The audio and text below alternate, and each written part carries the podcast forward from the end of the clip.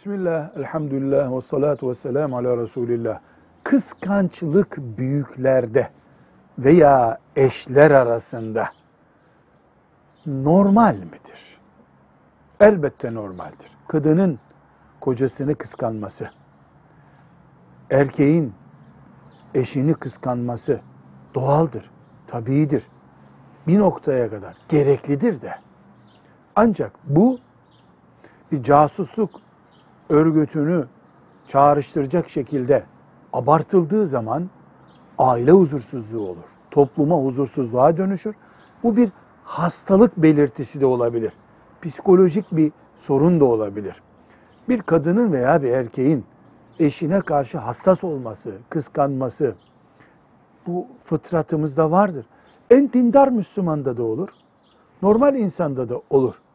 Ama bunu tutup da kavga konusu yapacak, aileyi dağıtacak, casusluk faaliyetleri sebebi yapacak hale getirdiğimiz zaman bir hastalık belirtisi olabilir bu. Bunun için muhakkak bir psikoloğa veya e, tecrübesine güvenilen bir aile büyüğüne müracaat edilmeyi gerektirir. Velhamdülillahi Rabbil Alemin.